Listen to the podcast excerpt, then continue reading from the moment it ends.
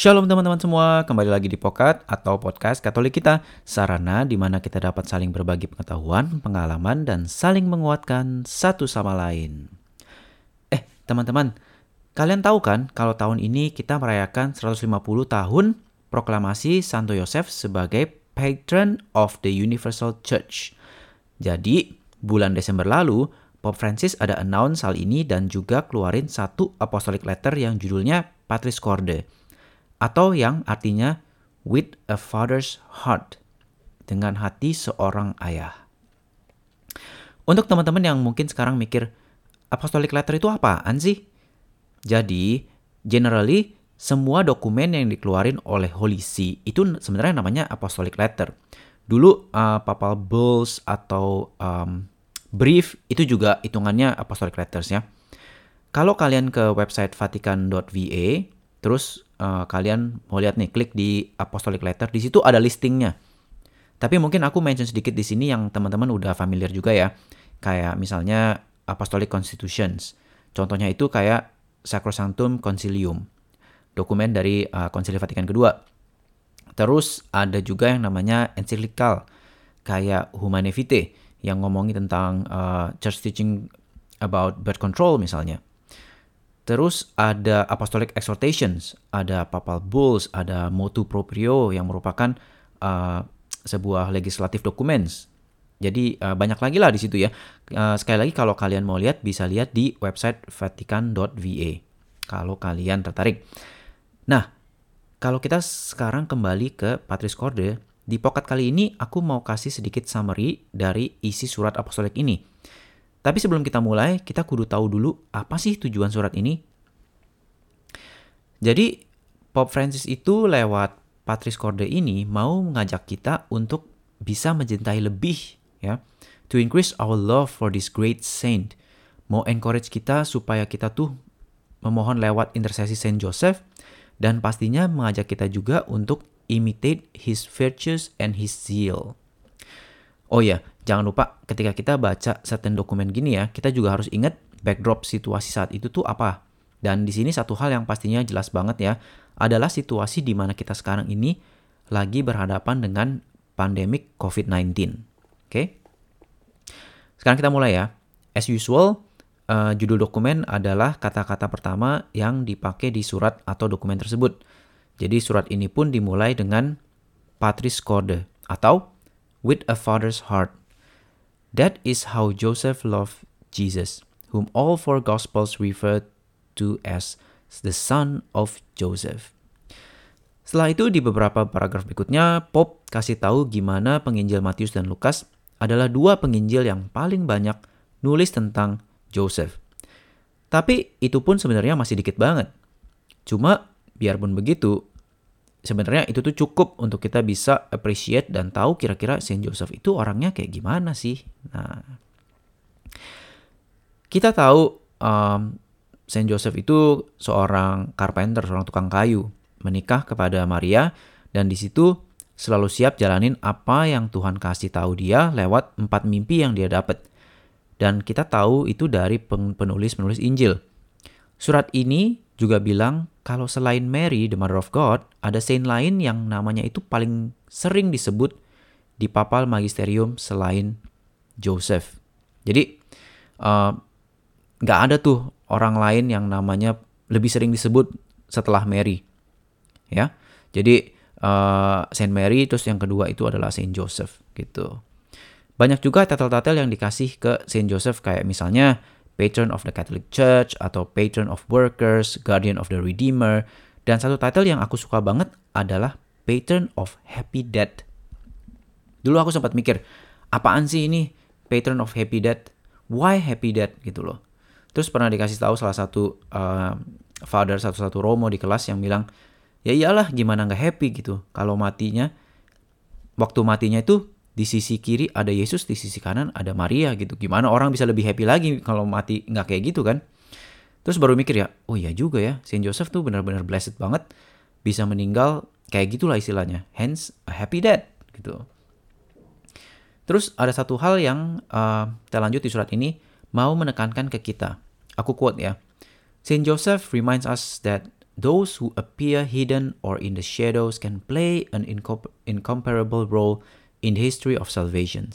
Dia itu istilahnya benar-benar kayak unsung hero gitu gak sih? Paling jarang disebut, paling sering gak dinotis orang, padahal perannya itu benar-benar besar banget dalam kehidupan keluarga kudus gitu. Mungkin dengan melihat role, kualitas, dan karakter dari Saint Joseph berikut ini, kita bisa lebih menghargai ya. Surat ini kasih 7 points, um, yaitu Saint Joseph as satu a beloved father, dua a tender and loving father, tiga a obedient father, an accepting father, a creatively courageous father. Ini bagian yang bagus banget menurutku. Terus uh, yang keenam itu a working father, yang ketujuh itu a father in the shadows. Kita mulai urut ya. Saint Joseph as a beloved father. Quote, The greatness of Saint Joseph is that he was the spouse of Mary and the father of Jesus. In this way, he placed himself in the words of Saint John Chrysostom at the service of the entire plan of salvation. End quote. Jadi Saint Joseph itu secara konkret mengekspresikan kebapaan dia dengan memberikan diri dia atau mengorbankan diri dia dalam tanda kutip ya di ke dalam misteri inkarnasi Tuhan dan karya penyelamatannya. Dia itu uh, kasih cintanya, servisnya kepada keluarga kudus itu secara penuh gitu sebagai seorang suami, sebagai seorang ayah, sebagai seorang kepala keluarga.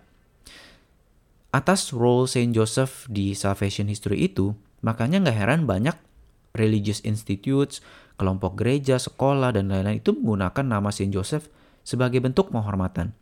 Bahkan ya, banyak holy men and women yang berdevosi lewat Saint Joseph. Salah satunya adalah Saint Teresa of Avila yang benar-benar punya devosi besar banget dengan menjadikan Saint Joseph itu seperti intercessor dia, seperti seorang uh, penasehat ya, advocate dia gitu. Yang kedua, Saint Joseph as a tender and loving father. Seperti di Lukas 2 ayat 52 ditulis Jesus grow daily in wisdom and in years and in divine and human favor. Dan Saint Joseph pasti ngelihat hal itu di anaknya kan.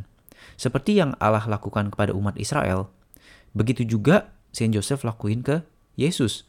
He taught him to walk, talking, taking him by the hand. He was for him like a father who raises an infant to his cheeks, bending down to him and feeding him. Itu uh, dari Hosea 11 3 ayat 4. Um, Hosea 11 ayat 3 sampai 4 maksudnya. Di dalam diri Saint Joseph, Yesus itu lihat the tender love of God. Tapi seperti kita semua ya, Saint Joseph itu juga pasti punya kelemahan, punya weakness kan, punya rasa takut. Dan terkadang kita tuh selalu mikir kalau Tuhan itu cuma pakai kita lewat apa yang kita bisa lakuin dengan baik gitu. Atau dengan kata lain, Tuhan itu cuma pakai kita lewat kelebihan kita doang. Dan bahkan si jahat itu selalu mencoba ganggu kita supaya kita tuh selalu lihat dan salah-salahin kelemahan kita. Padahal justru lewat kelembutan, lewat tender love seperti Saint Joseph itu adalah jalan yang paling baik untuk menghadapi kelemahan kita dalam hidup. So, even through Joseph's fear, God's will, his history, and his plan were at work. Di sini Saint Joseph ngajarin kita kalau iman kepada Tuhan itu harus mengikut, mengikut sertakan rasa percaya kita. Kalau Tuhan itu bisa bekerja bahkan lewat kelemahan kita, lewat ketakutan, ketakutan kita, lewat kekurangan kita. Ya, gitu ya. Yang ketiga, Saint Joseph as an obedient father. Di sini Pope Francis ngingetin kita lagi gimana Saint Joseph itu seorang yang benar-benar taat. Di saat dia tuh dapat empat mimpi ya, dan istilahnya tuh nggak pakai babi bu, langsung jalanin apa yang disuruh. Di dalam situasi seperti itu, teman-teman nggak nggak sih Saint Joseph itu sebenarnya kasih his own yes, his fiat, seperti ketika Maria kasih her yes pas Angel Gabriel datang. Atau seperti Yesus kasih his yes di Taman Getsemani. Kebayang gak sih gimana jadinya kalau misalnya, ah, uh, kalau misalnya Saint Joseph tuh bilang, oh enggak ah, gue maunya gini aja.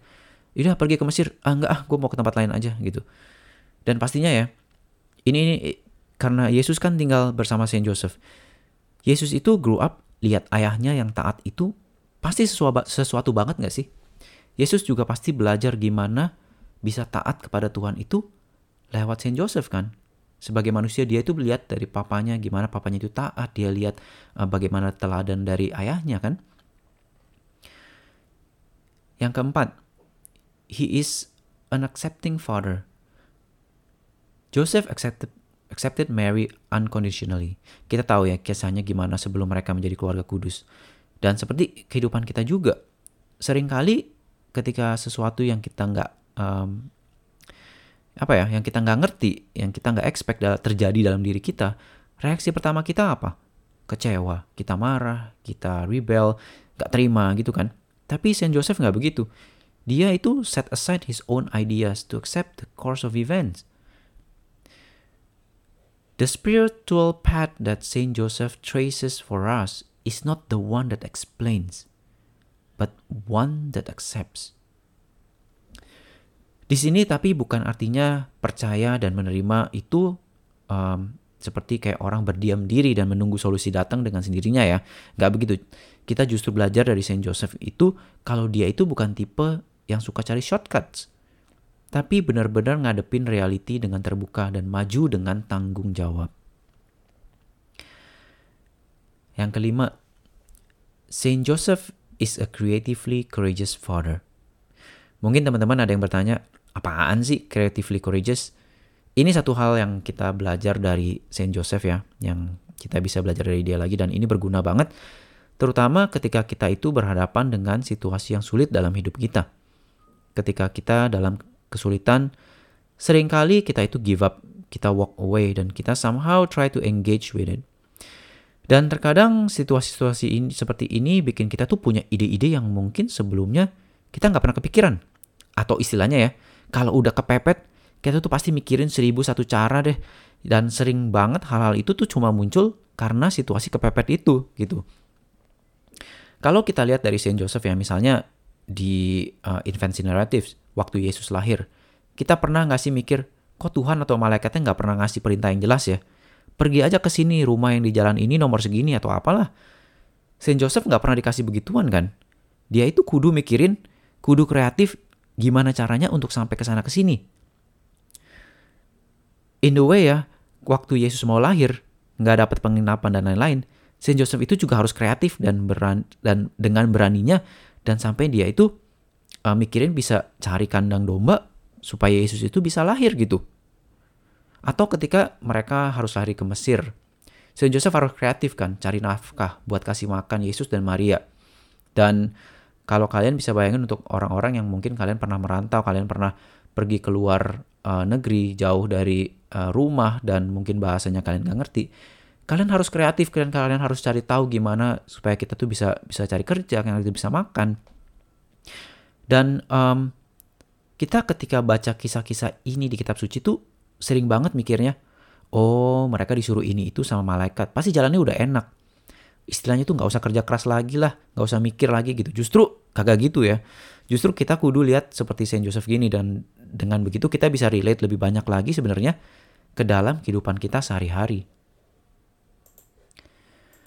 Yang keenam, Saint Joseph as a working father. Salah satu aspek dari Saint Joseph yang sering diemphasize dan benernya sering kita dengar itu adalah dia sebagai seorang pekerja. Kita tahu kalau Saint Joseph bekerja sebagai tukang kayu untuk memberi nafkah ke Maria dan Yesus. Pastinya Yesus pun belajar nilai-nilai ini dari Saint Joseph ayahnya. Gimana seorang itu dalam bekerja harus dengan martabat yang baik dan juga dengan sukacita. Di sini Pope Francis juga mau ngingetin kita bahwa quote work is a means of participating in the work of salvation. End quote. Seseorang yang bekerja apa pun pekerjaan dia sesungguhnya bekerja sama dengan Tuhan sendiri. And in some way become creators of the world around us. Dan sekali lagi, karena backdropnya adalah situasi pandemik, surat apostolik ini juga mengingatkan kita kalau loss of employment itu yang terjadi karena pandemik ini, kudu kita lihat dan pakai untuk review prioritas kehidupan kita lagi. Quote, no young person, no person at all, no family should be without work. End quote. Yang terakhir, Saint Joseph as a father in the shadows. Ada kalimat di sini yang bagus banget deh. Uh, kalimatnya bunyinya begini. Fathers are not born, but mate. A man does not become a father simply by bringing a child into the world, but by taking up the responsibility to take care for that child. Di bagian ini, um, surat apostolik ini ngingetin kita kalau sebagai seorang ayah, kita itu harus memperkenalkan anak-anak ke realitas kehidupan yang sesungguhnya. Kita nggak boleh istilahnya hold them back. Dengan begitu uh, overprotectivenya kita, dengan kita terlalu kayak melindungi mereka, oh ini nggak boleh itu nggak boleh. Um, kita benar-benar nggak nggak ngasih lihat mereka itu dunia di luar tuh kayak apa gitu. Tapi kita harus nurture mereka supaya bisa belajar mengambil keputusan, enjoying freedom dan juga bisa explore hal-hal yang baru gitu. Mungkin karena hal ini Saint Joseph itu dikenal sebagai the most chaste father. Kayaknya mungkin um, banyak dari teman-teman yang relate kata chaste atau chastity itu dengan uh, seks ya. TOB gitu-gitu. Which is not totally wrong. Tapi aku cuma mau ngingetin lagi, in a deeper meaning, apa itu chastity. Chastity is freedom from possessiveness in every aspect of one's life. Only when love is chaste is it truly love. Nah, jadi um, semoga pokat kali ini bisa lebih membantu teman-teman lebih terbuka lagi ya kepada Saint Joseph bisa love him more juga. Apalagi buat yang sudah menjadi seorang suami atau lebih sebagai seorang ayah gitu karena um, in every exercise of our fatherhood, we should always keep in mind that it has nothing to do with possessions, but is rather a sign pointing to a greater fatherhood. In a way, we are all like Joseph, a shadow of the Heavenly Father who makes his sun rise on the evil and on the good, and send rains on the just and on the, on the unjust, and a shadow that follows his sun. Kita tutup pokat kali ini dengan uh, berdoa ke Saint Joseph ya. Dalam nama Bapa, Putra, Roh Kudus. Amin. Hail, guardian of the Redeemer, spouse of the Blessed Virgin Mary. To you, God entrusted his only Son. In you, Mary placed her trust. With you, Christ became man. Blessed Joseph, to us too, show yourself a father and guide us in the path of life. Obtain for us grace, mercy, and courage, and defend us from every evil. Amen. In the name of the Father, Son, and Holy Spirit.